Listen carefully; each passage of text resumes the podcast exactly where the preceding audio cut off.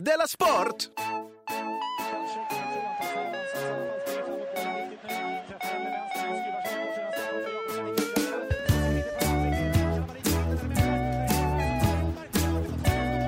Du lyssnar på Della Sport.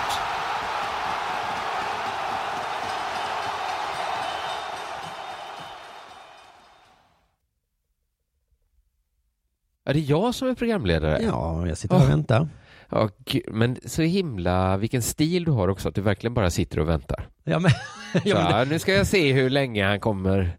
Annars blir det är samma med dig och Jonathan. Om jag då säger någonting så blir det, ja, ja, nej, men jag ska, jag ska.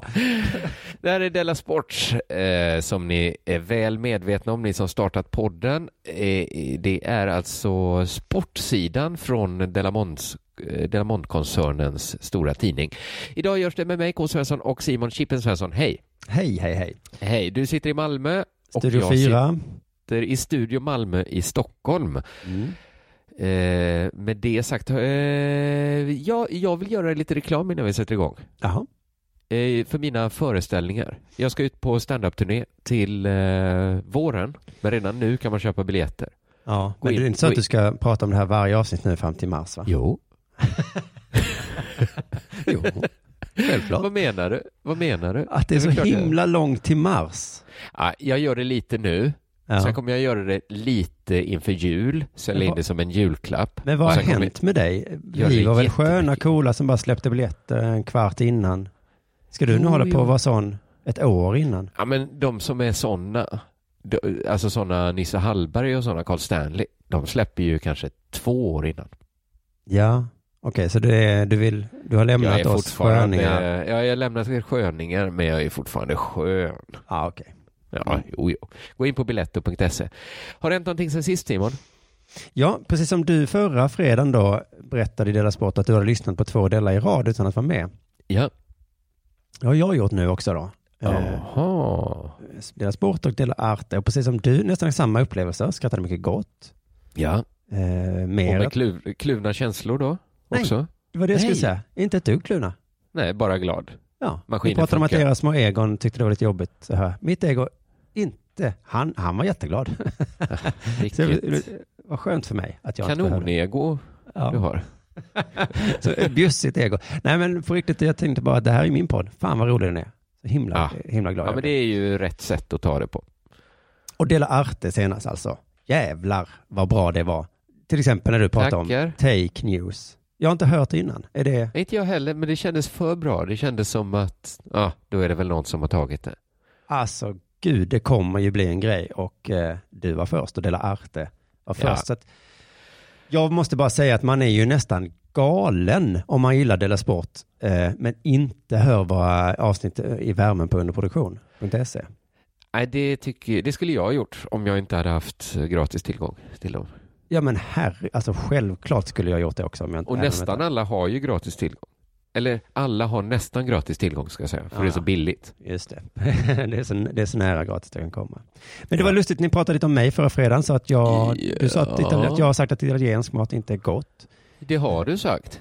Det tog Jonathan upp med mig sen. Simon blev, blev galen när han hörde att jag hade sagt att han hade sagt att italiensk mat Det var en konstig eh, samtal vi hade där, men ja, det är dig jag har fått ifrån. Ja, ja. Ah, Okej, nej, du har sagt att det är barnmat, har du sagt. Ja, men kanske har jag sagt det. Jag minns inte, men skitsamma. Jag tycker visst att det är gott i alla fall. Det var bara det jag ville Asså. säga. För att Jonathan gjorde en stor grej och att jag Alltid skulle... motvalls. Alltid motvalls. Nu kom det igen. Vad jag än säger är det motvalls. ja, ja. det är exakt min åsikt också. Vad du än säger så är det motvalls. Ja, för han nämnde ju att Liv Strömquist hade sagt att Beatles var överskattade. Ja. Alltså lite så som att jag skulle kunna säga en sån grej också. Eh, då vill jag bara också förtydliga att det skulle jag aldrig säga. För det, det, det är ju klart att de är. Ja, okej, att ingen musik är så bra. Nej, alltså Beatles är världens bästa band sägs det. Och folk grät när de var på konsert. Alltså så, det är väl klart att, det är klart att de är lite överskattade. Ja, Men däremot, det var lustigt att ni tog upp det precis då, för att jag har nämligen skrivit upp mitt lilla block då om vad jag kanske kunde prata om i Della Sport någon gång. Ja. Eh, att just Beatles då, för jag hörde att Abbey Road låg etta på försäljningslistan igen nu. För- Jag tror att det har gått så här, det var 50-årsjubileet nu. Aha. för. Alltså, de har ju flax att det är det blir 50-årsjubileum på alla deras skivor. Alltså nu är det ju det är väl nästan sista skivan. Men har det varit ett 50-årsjubileum på varje skiva? Ja, och det jag upptäckte nu då, för det som hände då, det här var ju precis innan deras sport sändes då, ehm, Ja. så tänkte jag, fan jag har ju aldrig lyssnat på Beatles, ska jag kanske Nej. ge det en chans då? Ja, Och då fattade jag att det var många skivor de har släppt, jättemånga. ja jag menar det. Så då blir det ju ett jävla massa jubileum också då ja. Att Ja, det blir- måste det ju bli. Jag minns inte så här 50-årsjubileet av Revolver. Men det var kanske. Ja, det var kanske också då. ja. Kanske var för några år Men jag fick ju tipset då om Abbey Road då, som låg etta då på någon slags försäljningslista, vad det nu betyder. sedan. Eh, Det vet du vad det betyder. Ja, men det är väl ingen som köper CD-skivor längre? Eller Nej, det är väl för därför att det kan gå upp på etta för att Alltså det krävs så lite för att Ja, något ja. går upp. De har fortfarande den försäljningslistan då alltså, på någon slags Tydligen. fysiska... Ja. Men jag tror det säljs så lite, jag tror kanske att det var i år eller förra året som eh, vinyl gick om CD-skivor igen. Jaha, ja, Alltså ja. det säljs så lite CD-skivor så Ja. att, ja, du fattar. ja, ja. McCartney själv kommenterade den nyheten med att ja, jo, jo, men det var en jävla bra platta i alla fall ju. Ja. Eh, Så Tänk att ha det att något man, man tycker så här något man gjorde för fem år sedan bara, fan, Mm. du, vilken idiot jag var. så något som man gjorde för 50 år sedan, men den är bra. Ja, ja. Det är men 50 det- år sedan, men det är klart. Fast om eh, något man gjorde för fem år sedan hamnade på någon topplista så kanske man hade sagt jo. Alltså, om man gjorde något riktigt bra, om man hade gjort Abbey Road för fem år sedan kanske man, Ja, där kan man tycka. det är det. Mm. En stor fördel då med att börja lyssna på Beatles ehm, och Abbey Road då framför allt. Jag lyssnar lite på flera skivor, men det är ju att, för att annars, jag har ju musiksmak som av vissa då beskrivs som eh, lite extrem. Ja, jag ser inte riktigt linjen, men förutom att det är extremt, det, det kan vara jätte, jättehård musik du lyssnar på, döds, Mm. Mm. och det kan vara liksom väldigt extrem techno. Ja, röda tråden är kanske hå- hård då kanske. Jag vet inte.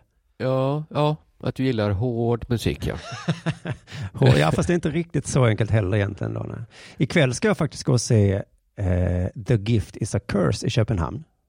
Jag vet inte vad det här är. Nej, det är, så, alltså jag, jag har inte lyssnat på dem innan så jag skulle lyssna in mig på dem. Det är liksom i princip olyssningsbart även för mig. Ja, Eh, och det kan jag, liksom, jag kan inte ha på det hemma. Det blir liksom för stökigt med barn och familj och sånt. ja. Och, eh, alltså, så det går inte med Beatles, det kunde jag ju ha på. Det var inga problem. Det går att ha på ja. Så Men det är aldrig in för hårt. Nej, det var det verkligen inte. Nej. Och hon, min fru kom in i köket och bara, åh, du lyssnar på musik som går att lyssna på. Ja. Ja. Överskattat, sa du. Som du hör. Men det, det säger sig självt att det är.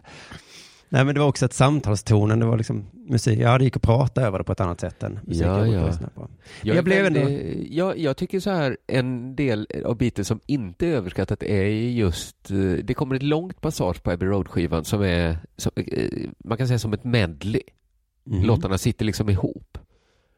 Det är, till, Mm. det är ganska korta låtar, det är någon som är så här She came in through the bathroom window. Det tycker jag fortfarande, det skulle jag säga, det håller ju så jävla bra fortfarande. Det är Ah, medligt. Just det, de har sagt det medligt är inte överskattat då, nej. Nej, tycker jag inte. Nej. För det, Det är pratas inte så mycket om ändå. Nej, vilket medley. Men jag måste säga att, och det här är alltså innan jag hörde talas om Livs eh, överskatteri här, att jag blev ändå faktiskt på riktigt lite förvånad när jag lyssnade, för att så bra är det ju verkligen inte. Alltså det, Förutom medligt då. ja, jag kommer inte ihåg medligt riktigt. Men alltså bara generellt att det är små enkla melodier som barnlåtar ungefär.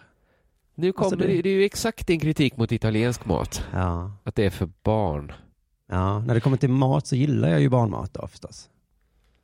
Ja. Musik kanske jag vill att det ska vara lite mer svårt. Men jag bara, alltså på riktigt, om, om jag hade varit utomjording och de hade frågat mig, tror du detta är världens bästa band? Då hade jag sagt, nej, du. Nej. nej, nej. Och så har de spelat sån jättehård techno. Tror du det här är världens bästa band? Lite svårt att lyssna på, men ja.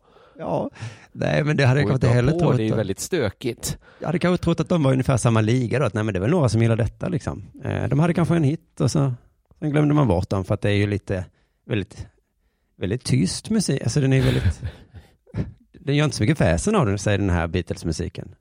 Nej. Sen lyssnar jag på hitsen, de känner jag ju till. Ja. Eh, Men det är väl de sämsta låtarna? Väl? Yellow Submarine är väl ingen som Ja, gillar det, den. den. Nej, den gillar nog ingen. Nej. Nej, Och men Bloody det är också barnlåt. skitdåligt. Den är också väldigt dålig. Ja, Let it be. Ja, ja men den är väl ändå en eh, modern klassiker. Kanske. Twist and Shout är den sämsta låten jag vet. Fan vad jag hatar den. Där håller jag inte med dig. Nej, okej. Ja, ja, men det är inte hitsen de är kända Men då för. var ju typ inte Twist and Shout så tidigt. Då var ju inte ens bra musik uppfunnen. Nej, Då fanns kanske. det ju bara rock'n'roll. Ja, ja, ja. Det är ju hemskt.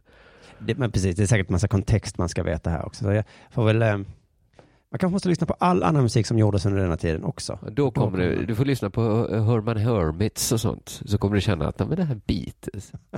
Efter att ha lyssnat igenom The Monkeys produktion Ja. så kommer det svänga ordentligt om The Beatles. Du kanske också börjar liksom böla i extas när jag lyssnar på Beatles. Ja, Det gör väl ingen längre egentligen. Så det kanske var något annat som hände förutom då tiden. att de ligger etta. Ja, bölar. För Ja. lyssna gör ju folk om de ligger etta Ja, men jag på... menar, det är ingen som gråter när de går på konsert längre. Nej, Inte, inte svimmar. Nej. Man får inte sån Beatlemania av att gå på en Paul McCartney-konsert nu. Nej. Eller ens på Avicii liksom. Det ingen som svimmar då. När svimmar folk nu? Nej. Alltså, om jag hade varit förälder då och mina tonårsdöttrar hade gått på en Beatles-konsert och liksom börjat gråta och sett ut, Ja. då hade jag blivit lite orolig. Hade jag sagt, ska du? Det där Ska det verkligen? Nej, för att det har blivit så här och folk blev så galna av att de hade långt hår. Och så ser man Ja. så här, ett, de har inte långt hår, de har bara kammat lugg. Och sen, var det det folk blev? Var det inte det att liksom unga tjejer svimmade och grät och sådär? tappade fattningen. Ja, precis. Ja. Det var en helt annan människa. Som liksom, ja. Nåja, Beatles, eh, jag ska, en kort historia till här. Jag har haft en eh, detoxvecka. Eh, det är fredag nu, så det var egentligen förra veckan nu. Så den är över nu då egentligen. Oskönt. Eh, så det var inget av de fem stora drogerna då. Koffein, nikotin, alkohol, socker och ostmackor Nej. på eh, en hel vecka. Och jag skrev ju ehm, jag skrev min bok som handlar om det här då, hur man lever med och utan droger. Livets cirkel. Livets cirkel, ja. Och då slog det mig att jag måste ju leva som jag lär också. Så då Ja. tänkte jag, nu får jag göra det också då. Annars tror jag folk blir besvikna om, om du inte hade någon erfarenhet av detox. Ändå, ja, men det det tycker jag andra ska göra. Ja, precis. Ja, men det var jag. inte att jag har gjort det förr, men nu orkar jag inte göra det såklart. Nej, nej, nej. Nej, så jag var det är tvungen att som ge mig in då. Som en omvänd sån gammal missbrukare. Du har detoxat förr, inte Ja. nu. Gör som jag gjorde förr. När jag var lycklig. Men Alltså, jag ser så himla mycket fram emot livets cirkel vill jag ha sagt också. ja, var utan kaffe, vad sjukt det är. Alltså jag dricker så mycket kaffe. Alltså jag mådde, ja, den veckan, det var inte lätt att vara jag. Nej. Ehm, vilken drog det är. Ja. Det märker man när man har uppehåll. Men det har jag skrivit en del om i den här boken då. Men alltså, jag, kunde, jag, jag, jag, vak, jag vaknade ju inte riktigt. Jag kom inte igång. Jag kunde inte göra Nej. någonting. Så Nej. vet du vad jag gjorde då, när jag Nej. var så trött? Då byggde jag en bokaffär på eh, underproduktion.se. Det var det sjuka. Det här har du inte ens berättat för mig. Nej, för jag gjorde det nu precis. Och det, för det kan jag göra utan kaffe. Det är bara att knacka på tangenterna jobb. Det är, Det är otroligt. Och där kommer man kunna köpa livets cirkel. ja. Kanske även min bok i framtiden då. Jag Ja, kanske flyttar tänk- min bok till din bokaffär. Det tycker jag. Och särskilt din eh, diktsamling som en... Eh, Just det. vet du vad man kan sälja? Man kan sälja e-böcker där också. Alltså fy fan vad smart det är. Fy fan vad smart att inte ha det lagret. Nej. Ja, Ja. alltså det är helt Geni. otroligt. Geni. Men du, så läste jag också igenom. Den ska in eh, nu för sista till helgen här. Ja. och så skrattade jag så himla gott. Ehm, jag ska säga det lite kort här egentligen, för jag blev förvånad på så många ställen så hänvisar jag till seriösa forskare. ja. Eh, och det är såklart mitt egen grej som jag blev glad. Att det Men var så, du- nästan, nästan för många gånger har jag. Det var en fotnot alltså. Nej, det var skrivet så. Seriösa forskare tycker så här. Som Haydn, Haydn och Haydn skriver. var det så? För att jag tycker det är så roligt begrepp. Det är, det är ju klimatfolket som ofta hänvisar till dem. Ja. Och även eh, icke-klimatfolket har ju sina forskare. Jo, men hänvisar de till de seriösa forskarna? Ja, men ibland tycker jag att eh, det är svårt att säga. Det kanske Ja, men vadå? finns det oseriösa forskare? Nej men precis, jag, jag har fått för mig att de här Rocknäs och de eller vad de heter, de säger alltid att alla är överens om det här, i alla fall alla seriösa forskare. Ja, det är bara att läsa de här 8000 sidorna från FN så ser ni. Ja, ja men och då, blir, då fattar jag, okej, de flesta, men jag blir egentligen mer nyfiken på de oseriösa forskarna. Ja, när man tänker sig att det är som en sån tv-shop-doktor, att det bara är en farbror i vit rock. Ja, eller kanske någon Frej Larsson-typ som bara liksom ska vrida och vända på alla ord hela tiden. Att det. Men jag tänker att man lagt så lång tid på att bli forskare. Mm. Först plugga, sen då doktorera och sen jobba Ja. som forskare. Att man inte blir seriös. Att man ändå orkar göra den ansträngningen. Ja, det Men- borde liksom komma på köpet och bli seriös av allt det där jag tråkiga tänker, jobbet. är man en oseriös läkare, då är väl man egentligen ingen läkare väl? Då är man inte läkare. Nej. Man har gått hela utbildningen, blivit en njurspecialist, men man är ju inte seriös. Är, han har ju inte ens startat dialysmaskinen. Nej, man gör det inte på riktigt. Nej, Nej. men då kanske man mer har sådana här tigerhjärtan och sånt. eh, Då gick man en annan läkarutbildning. Ja, ja, ja, just det. Mer homeopatisk. Ja, fast men precis som du säger, man är ju inte läkare då, utan då är man... Nej, men då är man väl inte forskare om man är en oseriös forskare heller egentligen. Nej, så därför tycker jag det är så himla roligt att hänvisa till de seriösa forskarna. För Ja. att, för att liksom bara antyda att eh, ja, men de har, de det har finns också så här skituniversitet där de utbildar oseriösa alla- skitforskare. så. Alla som inte håller med om min åsikt, det är, de är oseriösa. Det förstår du kanske. Ja. ja, det skulle inte de säga. De Nej, det oseriösa inte forskarna. Visst är det en liten härskarteknik? Ja, det är det ju. Det får man ju säga. Att alla seriösa medlemmar i Dela Sport eh, tycker så här. Sen, är det, ju- sen har vi ju då Kristoffer då. Han är ju, Kommer det bli det nya så här, de goda? Godhetsknarkarna. Ja, nu kommer de seriösa. Okej, ska vi få veta här. seriöshetsknarkare. Just det, du är så himla seriös. Oj då, vad seriöst det blev nu. Nu ska vi få höra vad de seriösa säger då. Mhm. Ja, det inte jag var så seriöst. Om du tänker på det så var det egentligen rätt oseriöst. Du, eh, har det hänt dig något sen sist? Eh, ja, men det, en in, alltså det har hänt en sak för länge sedan. Men jag har Mm. liksom, och sen har hänt en sak för ganska länge sedan. Men nyligen har de liksom gått och smältit ihop och blivit en insikt.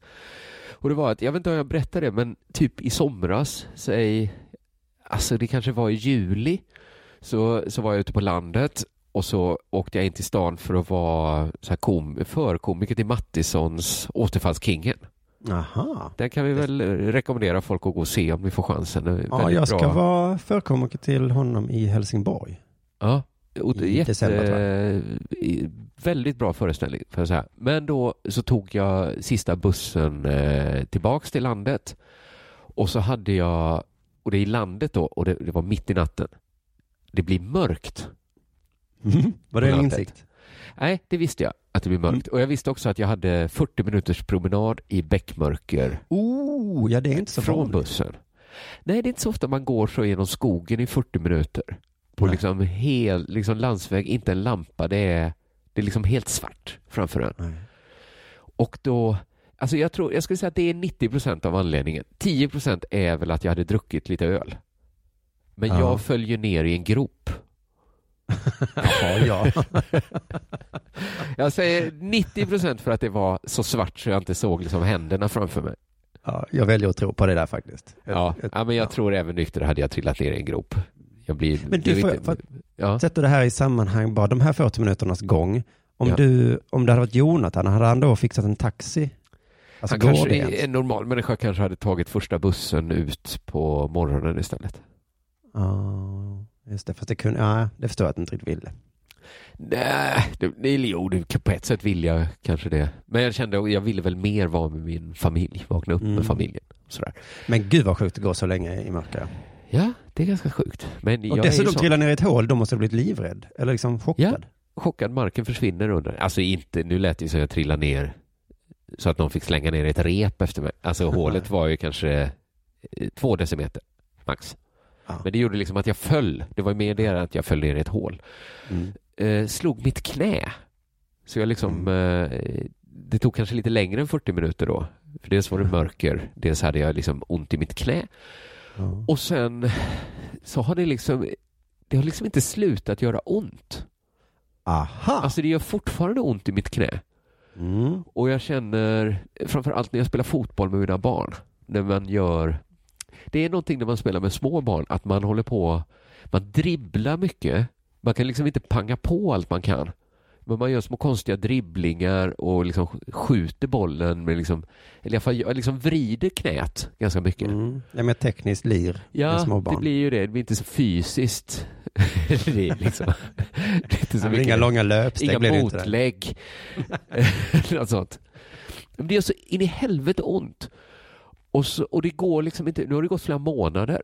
Och så kommer jag att tänka på något du sa, jag tror det var i Della Papa. Att du Mm. har ont i ryggen. Mm. Du hade liksom mörkat det för mig när vi var i Frankrike att du sa att du gjorde yogaövningar men egentligen gör du Mm. någon sorts liksom medicinska Yogaövningar. Ja. ja, det, det, liksom, det känns mycket mer västerländskt än österländskt det du håller på med. Mm. Och att du sa att det, vad beror det på? Alltså, Det är ju att jag är gammal. Det går inte Mm. över nu. Nej, just det. Och, och då, jag ska inte säga att det gjorde ont lite, men det kändes så definitivt bara att, att tänka den tanken fullt ut att ha, jag kanske ska ha ont i mitt knä nu alltid. Jag Ja. kanske, det finns en risk att jag inte kommer kunna spela fotboll med mina barn.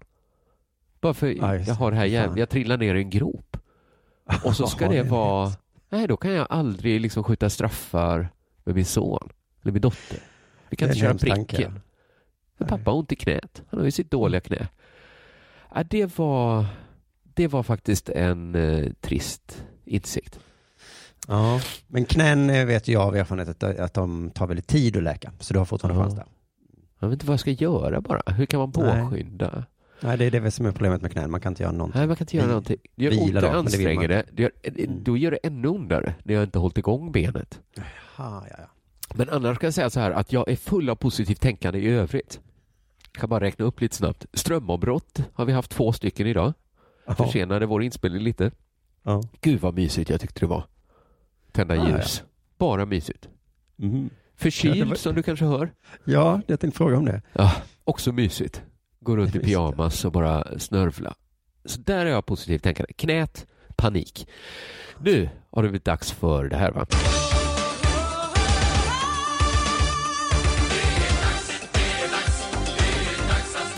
En man har sprungit ett maraton på under två timmar. Ska du prata om det? Ja. jag med. Det var som fan. Det var som fan. Ja, ja. Då kom, Då gör Ehm. vi så att eh, vi pratar om det tillsammans nu. jag, jag, vad heter det, just det, jag skrev till dig vad jag skulle prata om. Ja, Då, så hamnade i det här. Men det är för att det bygger på detta. Men då kan vi prata om det tillsammans. Ja. Dagen, Ja. eh, men dagen efter, känner du till det, så satt ju, vad hette han nu? Han hette Eliud Kipchoge, ja. det hette han ja. en 59-40. Eliud, det är ett ovanligt... Jag reagerar mer på Eliud än, äh, än efternamnet. Kipchoge. Kipchoge. Ja. Eh, hans eh, landsmaninna Brigid Kosgei satte världsrekord för damer, Chicago Marathon. Ja, även det här har jag eh, läst. Har du läst att Eliuds tid inte blev världsrekord? Det har jag inte läst. Jag tror, men Ah. han var den första som sprang under två timmar. Ja. Hur kan det inte vara världsrekord? Ah, nu, det här gläder mig att du inte vet, för Nej. då eh, blir allt överraskningar. För att det var ett tillrättalagt lopp. Ähä? Vad betyder det? Vi ska se här, det verkar inte vara fusk riktigt, men det är tillrättalagt. Ja, Så lite fusk kanske det ändå är. Tillrättalagt. Är det att han hade så många farthållare? Mm, det är lite Harar. olika grejer här. Eh, Eliud själv säger så här, det känns bra att skriva historia inom idrotten. Jag är så lycklig över att ha sprungit under två timmar och hoppas att det inspirerar andra. Ja, ja. Att Men- folk, om Eliud kan springa under två timmar, då kan jag också. Att på vilket sätt ska det inspirera andra? ja, ja men andra, Ibland säger man andra bara saker. Ja. Det här ska inspirera andra att fan om man bara springer sitt fortaste så kan man. Då kan man. Det, är, det, det tänkte jag inte på, det är rätt intressant. Ja, man får ett pris eller man når någon slags framgång. Vad självgod man är att säga då. Ja, det här Hoppas kommer att jag inspirera. inspirerar andra. Kan du inte bara Att vara liksom glad själv? Bara springa Eliud? lite fortare. Men också Elliot, vad fan, eh, det var ju tillrättalagt lopp ju. Så att hur ska du inspirera andra genom att liksom, vi ska, vi ska se nu vad det var som var tillrättalagt. Ja, Datumet för loppet hade valts med omsorg. till skillnad från New York Marathon som bara, det blir där det blir. Ja, men det valdes för omsorg för att det var så optimala förutsättningar som möjligt. Eh, starttiden var också vald med omsorg. Det skulle ske mellan 5 och 9 på morgonen. Ja. Det blev tydligen 8 och 15. Då var temperaturen 8 grader eh, då i Wien. Det var tydligen perfekt. Ja. Eh, men nu då, det här då. Det var 36 stycken harar. ja. 41 Och efter- hörde jag. Jaha, ja. Ja, ja, men många var de i alla fall. Bland annat Jakob, Filip och Henrik eh, Ingelbrigtsen, som vi pratat om i Dela Sport mycket. Jaha, ja, de är norska bröderna. Ja, precis. Och det var inte bara tydligen så att harar är bra att ha för att man hjälper till att hålla uppe farten. Nej. Det är ju rätt viktigt om man ska slå ett världsrekord till exempel, att ingen annan är ju framför en, så att hur, man måste själv psykiskt då liksom, Ja, eh, är ju lite jobbigt. Men det är faktiskt också så, hörde jag, att luftmotståndet blir mindre. ja, ja. ja. Han Jo, hade liksom ett det ju gäng löpare framför sig. Och det är tydligen en ganska viktig sak. Så att nog tycker jag att det är lite fusk allt. Lite tillrättalagt i alla fall är det ju. Ja, tillrättalagt ja. Dessutom hade de en elbil eh, inställd på att köra två och en halv kilometer i timmen. Ja, och det var det, två, det låter väldigt långsamt. Köra på 2,50 per kilometer. Vad fan betyder det? Det betyder säkert att den ska hålla farten va? Så att han vet. Ja, den höll fart. Men behöver han hararna också då? Eller var det bara för luftmotståndet då kanske? Eh, nej, men det var väl bra för haren att de skulle veta exakt hur snabbt de skulle springa. För att man då ska hinna under två timmar. Liksom. jo men man bilen ändå kör- har en bil som kör i den, då kan han väl hålla Ja, farten just som bilen har? Just det, man kunde ha en fartbil Ja. istället för en farthare. Ja, Jag tror att en bra smartwatch skulle också kunna få honom att hålla tiden. Om det bara Elvid. var hålla tiden liksom. Nu ska du idag finns det appar som kan hjälpa dig med det här. De kommer Jag ska ha en bil och jag ska ha alltså. 40 harar. Jo, jo, men vad sägs om den här En, klockan? en klocka kanske Elliot? Att du håller koll hela tiden? Alltså jag tycker att det här låter väldigt likt fusk nu. Att det, att han, visst, han sprang under två timmar, men det betyder ju ingenting. Du går inte att jämföra med något annat maraton. var bara för vinden då. Om man tänker Ja, efter. Om det är både bil, smartwatch. Mm. Ja. och hare. Vad skulle han med hararna till? Ja. Nej, men alltså det går ingen annan som har sprungit maratonlopp kan ju säga så. Är du snabbare? Ja, du, ja det är klart att snabb. Det var också tydligen helt eh, platt mark där i Wien. Men Det vet jag inte hur det är annars på maraton. Nej. nej, nej, men det låter väl rimligt att man springer, att det är platt. Ja, men hela, det var ju ett jävla jippo va? Som var till för att Elliot skulle springa under två timmar. Ja, precis. Eh, ändå Elliot är super, eh, eller vad heter det, eh, självgod här. Nu är det gjort, säger han. Ingen människa är begränsad, bara man jobbar hårt. Alltså, ja, vad fan. Det... Tänk på det, alla som är arbetslösa där ute. Elliot har sagt att allt är möjligt. Ja. Är Bara jobba hårdare. Men kommer inte du ta upp hans eh, nya sko? Nej. Det här. För att det kanske du inte känner till då att hon Brigid Kosgei Mm. och Eliud och även de som alltså kom två, alltså sprang bäst bland herrarna i det här. Jag såg på en bild att de hade väldigt speciella skor när du säger det. Ja, för de som sprang bäst i det här Chicago-maratonet där Ja. eh, hon Brigid vann, damernas. Ja. De som vann herrarna, de som kom ett och två för herrarna, Jake Riley och Jerel Mock. Mm. De, eh, alla de här människorna vi räknat upp nu har använt liksom samma sko som är från Nike. Ja. Jag såg också att de var från Nike, för den var väldigt tjocka sulor Och det jag. är väl Nike som ligger bakom att det här liksom Aha. jippot.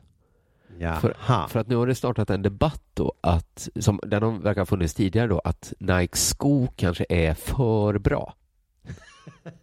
Men du, du kan få ta det här efter. Ja, ja, ja. eh, med nu. För jag tänkte eh, nu snabbt gå åt ett annat håll här, va? för att nu visst har Elliot sprungit under två timmar. Det kan Eh, ingen ta ifrån honom. Nej, och då eh, P1 Morgon plockade upp det här, liksom, tror jag gissade det, och hade liksom ett långt inslag då. Hur snabba och, och starka kan vi bli? Ja. Eh, Och de ställde sig den här frågan som vi kan höra. Och den här typen av prestationer väcker ju frågor om hur långt människan kan pressa kroppen att springa fortare eller hoppa högre eller lyfta tyngre eller kasta längre. Finns det någon maxgräns egentligen? Mm. Finns det en maxgräns egentligen? Ja, det tror jag. Ja, svaret på den frågan är ju ja. det finns det ju. Eh, var är gränsen kanske hon menar. Ja. Mm. Så de bjöd dit eh, en professor emeritus i fysiologi Ja. som heter Björn Ekblom för att då få svar på frågan finns det en maxgräns? Jag hade kunnat bjuda mig till att svara på den frågan. Ja, ja. Eller vem som helst då. Men Björn gick upp tidigt på morgonen, gick ut, tog taxin P1 hade skickat dit utanför hans dörr. Åkte till Radiohuset Man ska för att svara på frågan, kan man springa ett maraton på under två sekunder någon gång? Eller finns det en gräns? Just det. Han fick ju också då svar på frågor som den här. Du, om man springer ett helt maraton, det är 42 kilometer på under två timmar. Hur fort är det egentligen? Mm. Det, är, som en mattefråga Då egentligen. tar va? vi fram ja, en mellanstadiemattefråga. Va? Ja, det borde man nästan kunna räkna ut det här. Han då, Björn, tolkade frågan lite annorlunda. Ja, det är otroligt fort för oss vanliga människor. Men Mm, det är otroligt svårt, svarade han där. Det är också ett svar såklart. Men eh, han tyckte att för oss vanliga är det fort, men för de där som tränar mycket och så, så är det väl, ja, Också Inte ganska så fort. konstigt. När någon, det är ju ändå det fortaste någon har sprungit. ja men han menade att eh, Men, ja, ja. Eloid hade så himla bra fysiska förutsättningar. Då, Ja, ja, för att ja, han var så ja. liten och så. Man har tränat också. Han hade ju tränat. Det är ju- det, är- det är ju fusk det också egentligen. Ja, egentligen. Han hade harar och så hade han ju tränat. Träning, jättemycket. Det var ju- träning. Ja. Det var ju väldigt tillrättalagt alltihopa. Ja. Men sen blev det lite intressant tyckte jag, för programledaren frågar, är det lättare att göra rekord i vissa sporter än i andra? Mm. Och det har man ju liksom undrat. Jag kan tror jag flika in, att ju längre man springer, desto lättare Ja. blir det. Att den regeln är ett totalt samband. du det där var smart. Ja. Ja. För att, eh, jo men jag såg, en, de hade lite på Sveriges Radios hemsida små filmer som, någon simmare, heter han Fröler? Ja. Eller någonting. Ja. Han berättade varför det blev så, slås så jävla mycket världsrekord i simning. ja. För att det är så det är många tydligen- grenar. Nej, men de har bytt eh, liksom, kläder och sånt jättemånga Jo, gånger. men också väl att det är fyra simset och hundra olika distanser. Ja, det, Det har har ju såklart med saken att göra. Det är ju, ju fler grenar, desto fler fler rekord. Men plötsligt kom någon på, man kan ha hatt. Ja, just Simhatt. det. Simhatt. Och, Och sen, ja. hajdräkten ska vi inte glömma. Hajdräkten var det ja. Eh, Det är ett roligt ord, hajdräkt. Ja. Men Björn har ett väldigt bra svar, att, och det är inte, inte alls som du sa, inte så smart, fast han, han är smart på ett annat sätt. Han är en principiell fråga då, för där, ehm, löpning till exempel, där tiderna går neråt, Ja. då kommer vi till en punkt där vi inte kommer kunna slå rekorden. Ja. Men de som går uppåt däremot, Vad menar han? Hopp, ja, vi kan, höjdhopp, ja, stavhopp. precis, vi kan lyssna på vad han säger här. Så att där, de rekorden kommer vid någon tillfälle inte kunna slås. Därför man har kommit så lågt som det är möjligt. Men däremot rekord som går uppåt, till exempel eh, man kastar eller man eh, hoppar längd eller hoppar höjd. De rekorden kommer alltid att slås. Därför att där finns ingen övre gräns. Ursäkta, man kan kasta ett spjut hur långt som helst. Höjdlängd diskus kommer alltid att slås. Ja, men Det vill säga, vi hade fel. Det finns ingen maxgräns. kommer man Fy fan alltid sjukt. kunna hoppa hur långt som helst? Alltså, nu visar journalisten varför journalistjobb är så viktigt. Ja, För hon frågar så här, menar du verkligen det? ja. det är en jättebra fråga. Och det är, tänkte jag på idag, som att den frågan behövs oftare än man tror. Ja, Att folk, så- inklusive jag säkert, bara säger saker. ja. Och så får, måste någon fråga, menar du det? verkligen det? Och så säger man, ah, Nej, eller ja. Inte hur långt som helst kan ju ingen kasta, såklart. nej men. Nej, och Björn menar ju inte heller det här såklart Nej, riktigt. okej. Menar du det? Finns det ingen övre gräns för en Ja, det är klart man kan säga att 10 meter kommer de inte att hoppa. Men den, Nej. 10 meter går Nej. ut. men, men där är gränsen då. Så det, Så lite, Maxgränsen är hoppa gräns. höjd 10 meter. Det är lite svårt att förstå vad professorn menar, för sen ändrar han tillbaka sig igen ja. eh, helt plötsligt. En och- eh, 2,44 nu kommer det bli 2,45 eller 2,46. När man har tagit 46 så blir det 47 och sen blir det 48. Men det, ja. Det kommer inte att bli något stopp där så att säga. Det kommer inte bli något stopp där i Nå. höjdhoppning. Men är det inte exakt som i 100 meter i så fall? Man har tagit 10 sekunder. Man har tagit Jag vet. 9,90. Man har tagit 9,89. Jag fattar inte var skiljelinjen går riktigt. Att det som går neråt, det går inte att ändra. Men det som går uppåt, det går... Vad fan har fått det ifrån? Men menar, alltså det finns ju så här, det som går neråt går ju mot noll. Mm. Alltså, det men var det han sa faktiskt. Där, att, eh, att det finns ju ändå en absolut punkt. Jag har inte tänkt på det neråt och uppåt, men det finns ju ingen så här övre matematisk gräns ju. nej, det måste vara så han menar, ja, för att nollan finns ju där. Ja, man vet att ingen kommer någonsin kunna springa 100 meter på minus en sekund.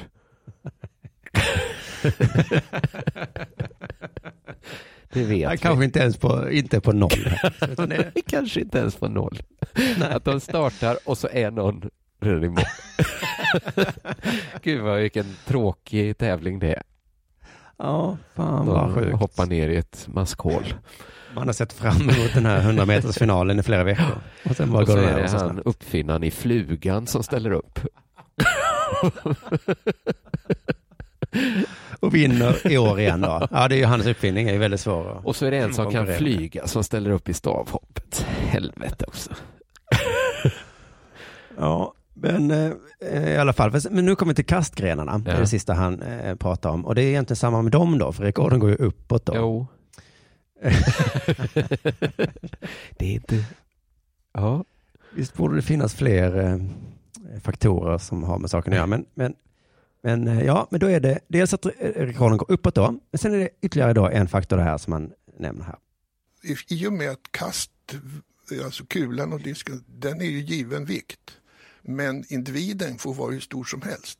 Så att får vi tag i en kille som är dubbla stål så kommer han att kasta 100 meter i diskus. Mm. Dubbla stål här betyder alltså någon som är dubbelt så stor som Daniel Jaha. Ståhl. Jaha, ja, ja. Jo, Mm, men om någon har dubbelt så långa ben som... Alltså... Alltså, Nu är ju Daniel Ståhl ganska stor redan. jag menar det. Han är, kollade jag upp, två meter och väger 145 Så kilo. det kommer någon som är fyra meter. Ja, så hittar vi någon som är dubbla stål. Kasta längre såklart. Ja, kanske. Fast jag vet inte fan om han ens kan komma upp soffan utan hjälp alltså. Han Nej. är så jävla stor. Men alltså man har det då, kommer vi kunna liksom kasta spjut hur långt som helst? Ja, om det bara dyker upp större och större människor. Mm. Men det kommer det ju inte Det är göra. nästan som att han har bytt fråga. Kommer människor bli hur stora? Kommer liksom människor bara bli... Ja. Finns det någon övre Den- gräns för hur stor en människa kan bli? är nästan frågan då. Det är ett sånt teorem eller vad det kallas som han bara förutsäger. Så. Ja. Ja, ja. Människor kommer alltid... Öka Större och större. Men de kommer inte bli snabbare och snabbare. Nej, det går inte. Nej, för att det går ju neråt. Men om till slut alla människor är fyra meter långa då, då kanske vi ökar storleken på diskusen lite för att det börjar kännas absurt att kasta med den lilla. eh, arenorna räcker inte till. Att folk... Jorden sätter ju sin begränsning också. Till slut. Just det. Och till slut kommer Till den slut. tillbaks. Blir det. Vet vi inte från vilket håll vi ska mäta. Det är ju det höjdhopparen som hoppar i 47, 48. Och sen... Ja, ja.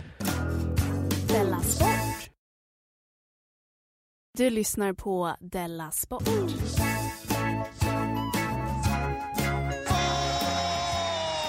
Jag kan bara nämna det också om det här, det här väldigt snabba loppet då, när vi ändå håller på. Att Mm. diskussionen som har blivit är den här liksom skon som används av liksom de allra bästa nu. Då att Mm. den kanske är för bra. Då att den har någon sorts kolfiberplatta, bla bla bla, frigör energi. Varje steg ska bli lättare liksom. Ja. Så det har liksom kommit en sån också, inte bara om hur långt kan människan pressa sig, men hur bra skor får man ha? har blivit en diskussion. Liksom. Det, tror jag, det var ju i spjut var det ju en sån på 90-talet. De här räfflade spjuten som finnarna kastade med. Liksom. Ja, ja, ja. Och då fick man liksom, de, de förbjöds för de spjuten då. Ja, det är fan märkligt. Om man räfflar ett spjut så åker det längre. Men- nu var det så. Jag får säga så här, eftersom det här av allt att döma är liksom reklamkupper. Man får, ibland Mm. måste man ändå säga, ibland när folk säger så här, men det här är bara, man säger liksom ibland så här, det här är bara provokation, det här är bara en reklamkupp. Ibland måste Mm. man ändå lyfta på hatten åt en reklamkupp. Om den innebär att man springer ett maraton under två timmar för första gången. Ja.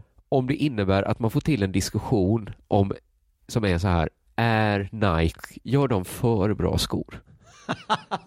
På något sätt har man ju lyckats då som reklamare tycker jag. Up, up, up. Della Ska Sport. man få Nu gör ni för för bra poddar. Folk kan inte koncentrera sig, de går bara och tänker på Della Sport hela tiden. Alltså att, att det är ändå att få till den problemformuleringen i folks huvuden. Nike, Ja, det är är, det de som gör för? Måste vi förbjuda Nike? Lagar de för det- god mat på det här stället? Är det för gott? Det är roligt att jag läste om det här på SVTs hemsida hamnade jag på. Ja. Och där gör ju de såklart en grej då att inte med ett ord nämna att det är reklamkupp.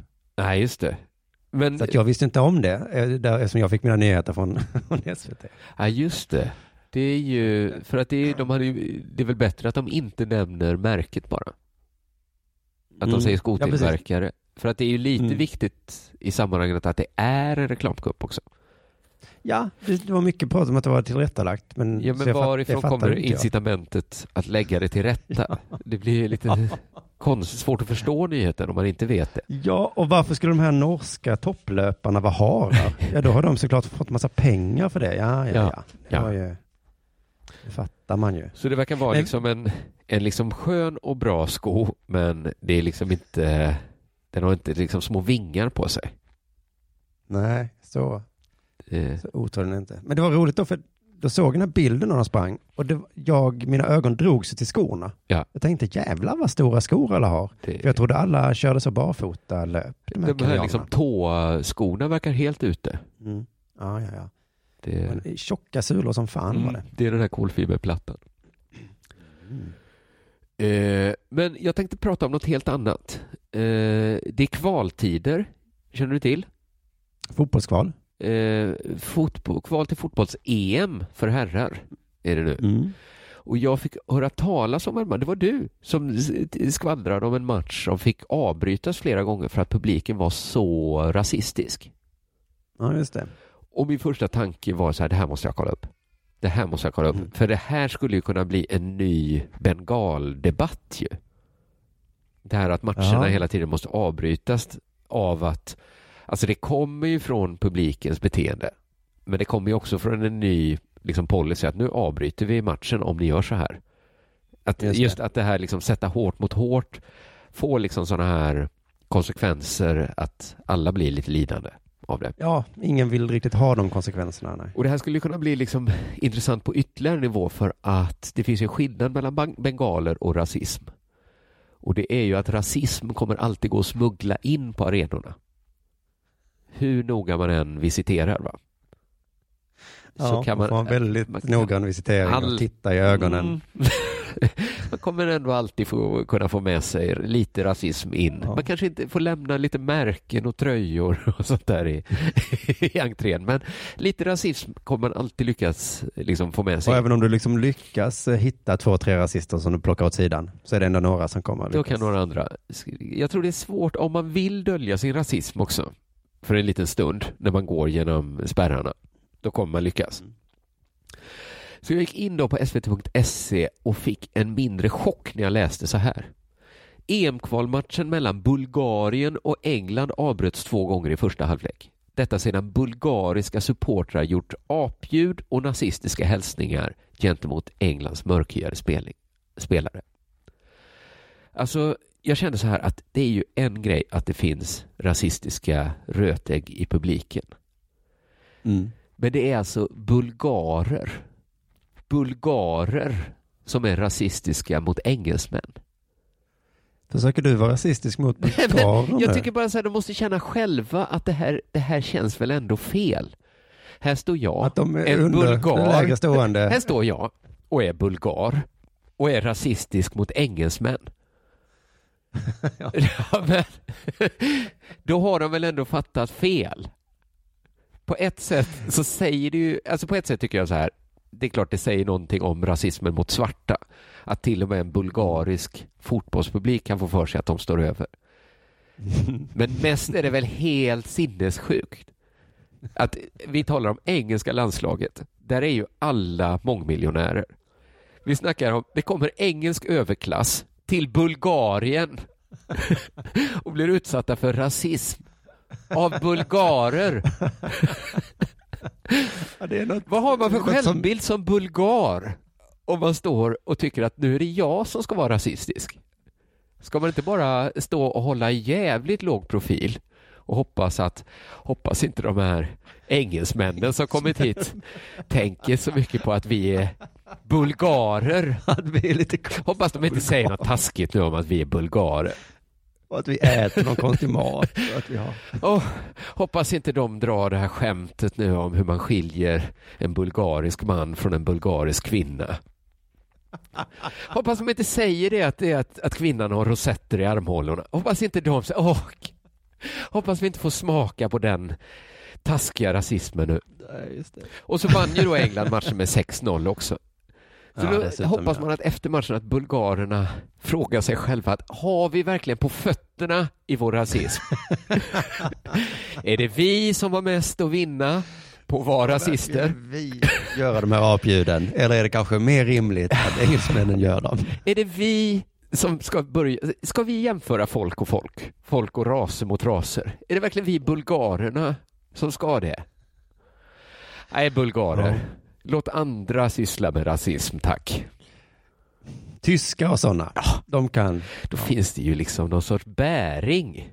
Ja, men det är, nå- det är någonting som man känner det ni gör är fel. Men jo, jo, ni har ju rätt i sak visserligen. Men Ja, men Men de här liksom, engelska överklassen där på planen måste ju ändå ha tittat på varandra. Vänta, ja, gör de, pratar de med varandra nu? Eller nej, vad i helvete, de gör apljud till oss! Alltså jag hade ju gått av och så på presskonferensen hade jag sagt, ja det är jättekul att spela här i Bulgarien, för man hör ju publiken gör apljud till varandra. Alltså det är sånt som jag brukar skämta med mina polare om. Ja, Men de gör ju det. Och äm, äta banan och skit såg jag dem. Ja, Ja, men det tyckte jag var chockerande att höra att, att bulgarer har mage att vara rasistiska mot engelsmän. mm. nej det är jag, eh, jag håller med. Ja. Eh, Det borde Fifa också ta upp kanske. Ja, att, att det är inte rasismen i sig, utan det är att det är så jävla konstigt att ni gör det här bulgarer. No to Bulgarian racism. Ja. Du lyssnar på Della Sport.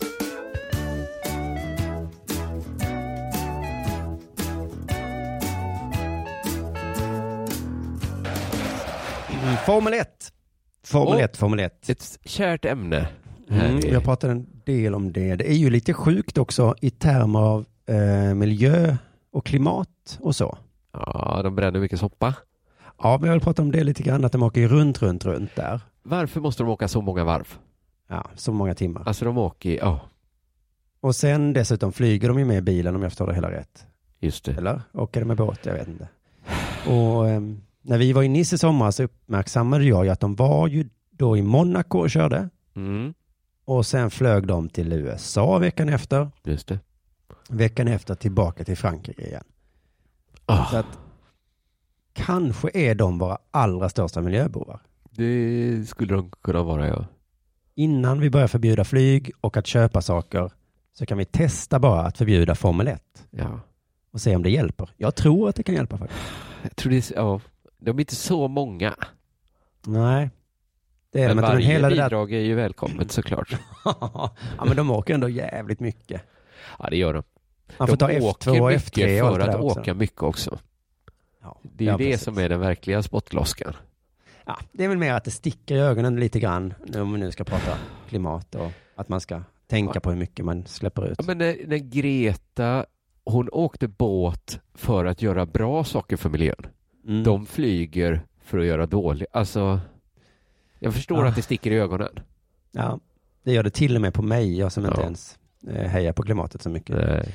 Lewis Hamilton är en av de här förarna. Han vinner nästan varje år. Han är Ja. jättebra på att köra bil. Aha, Och han är från England också. okej. Nu är han lite ledsen, förstår du. Aha.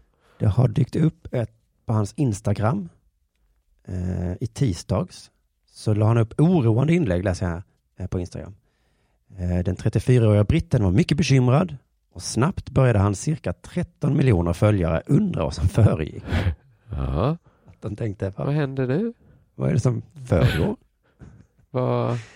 13 miljoner följare började undra. Jag gissar att de började liksom fråga där i kommentarerna kanske. Ja, inte alla 13 miljoner. Nej, det verkar... Jag hade inte gjort om jag hade Man följt. hörde liksom ljudet 13 miljoner människor som tappar mobilen samtidigt. Va? Vad föregår? Lewis. Nej, men det är lite märkligt att han är så ledsen för han leder här nu igen då och kan vinna liksom för sjätte Ja. gången i rad troligtvis. Men då skriver han så här. Ärligt, det känns som att jag vill ge upp allting. Bara stänga ner helt. Varför ens kännas vid det när världen är skit och när folk inte verkar bry sig? Oj. Jag, jag kommer ta en stund och samla tankarna. Tack till er som faktiskt bryr sig om den här världen. Vad är det som har hänt? Ja, så himla mörkt låter det ju. Ja. Om, om man tänker, ska du lägga upp det på Insta verkligen, Lewis? Ja, Det, det kanske, man blir orolig att han är djupt deprimerad eller någonting. ja Något har precis. hänt liksom. Han ska ge upp ju så. allting. Stänga ned helt. Usch, usch det låter Ja, hemskt ja. Säg nu vad som har hänt. mm. Allt eftersom reaktionerna trillade in tog Lewis Hamilton bort inlägget. Eh, och många undrade vad han egentligen syftade på. Ja. Var lite mer specifik i din depression. ja. Kan du? Ja. Kan du berätta nu? Men för, Ehm. första inlägget var alltså bara, vad är det för mening med att ens hålla på? De skulle lägga Ja. ner hela skiten. Alltså, Och folk Enligt bara, eh, fucking Aftonbladet är det så, men det är inte riktigt så. Sky Sports då har, eh, alltså det står så här, i Aftonbladet står så här, enligt Sky Sports ska inläggen inte handla om 34-åringens privatliv, utan Hamilton verkar bekymrad över klimatet.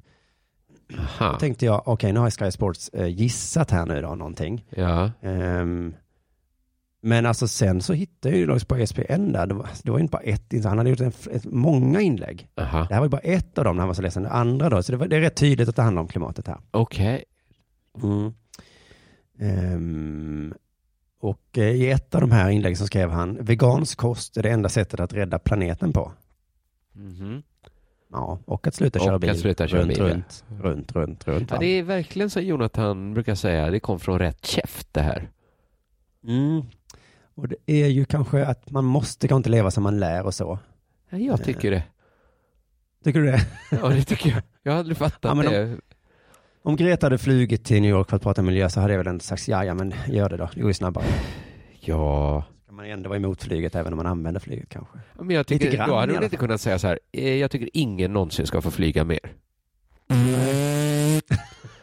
Nej, jag tycker inte det. Men det- för jag kommer ihåg när eh, Timbuktu hade skattefuskat.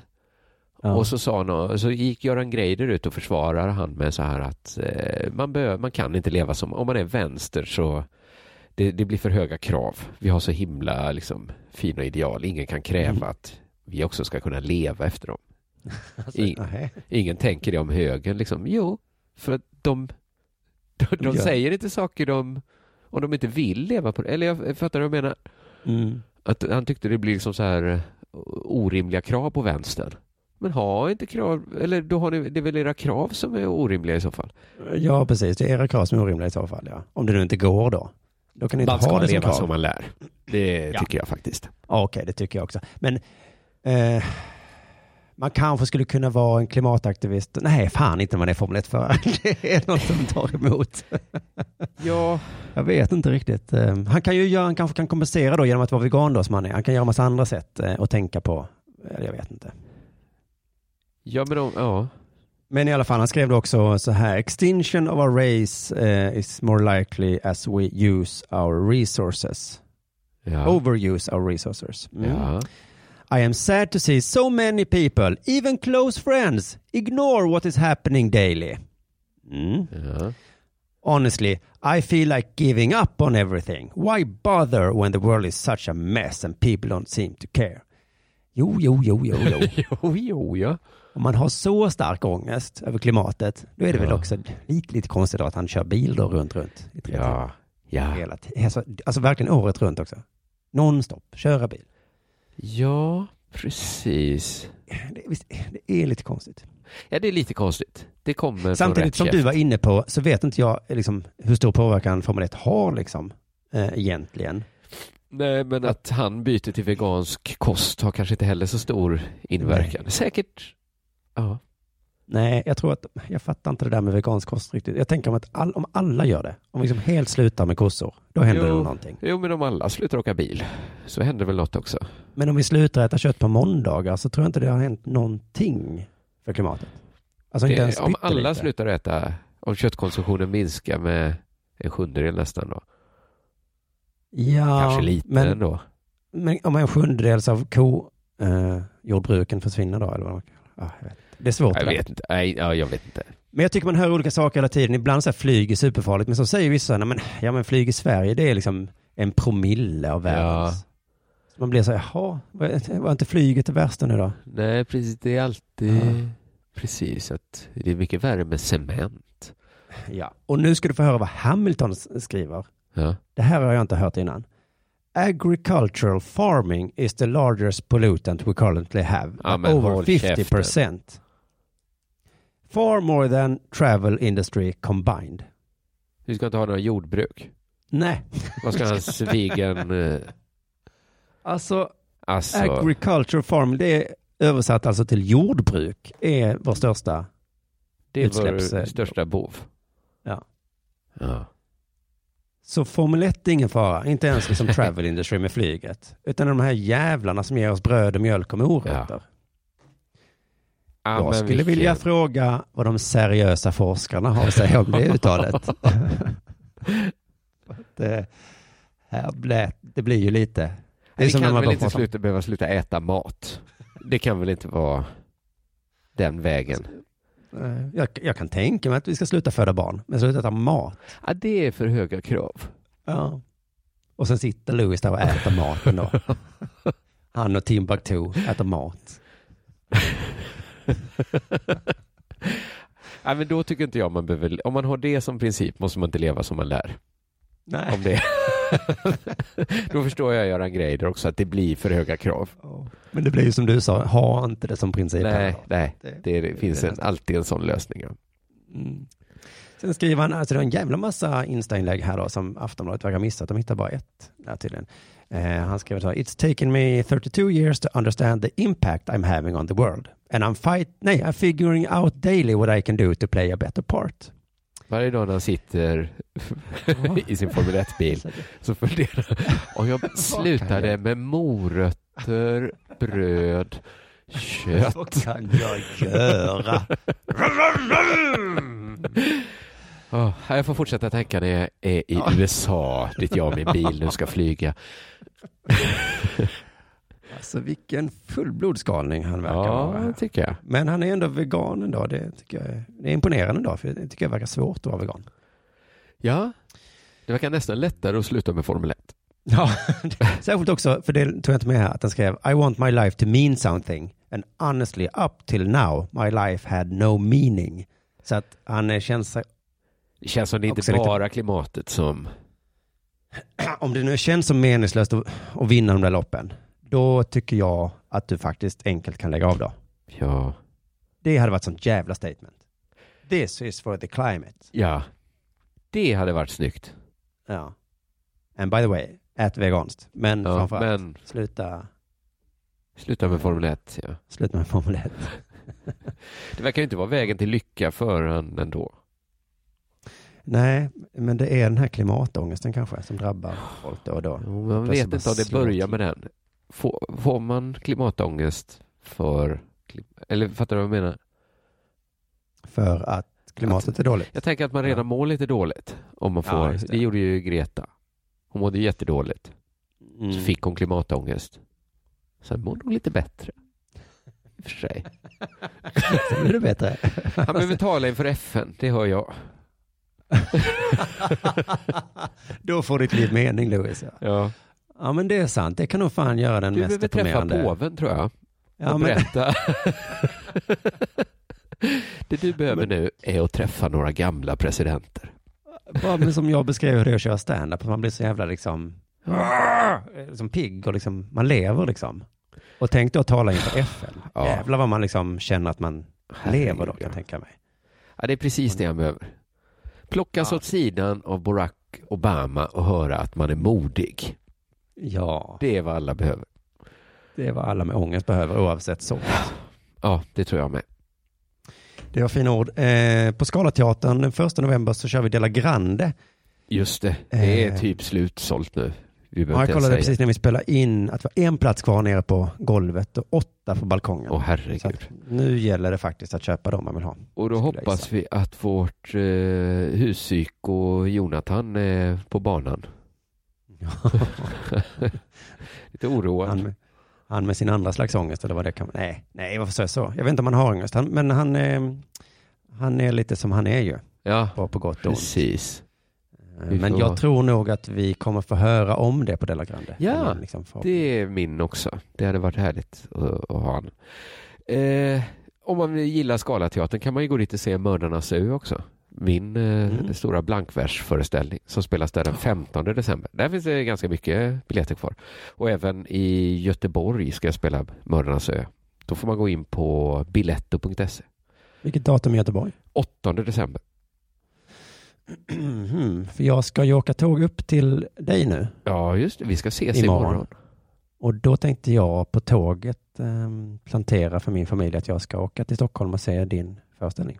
Ja, ja, ja. Men då kan du Men se då den i kan- Göteborg istället. Ja, så kommer du hem på kvällen. Till och med tror jag. Nästan, ja. Nästan. Eller så tar du en härlig bo på Eggers så har det gått. Ja, just det, en Eggershelg. Ja. Ja. Ja, ja, men det är härligt. Köp biljetter till alltihopa, ja. Ja, gjort. Hej. hej.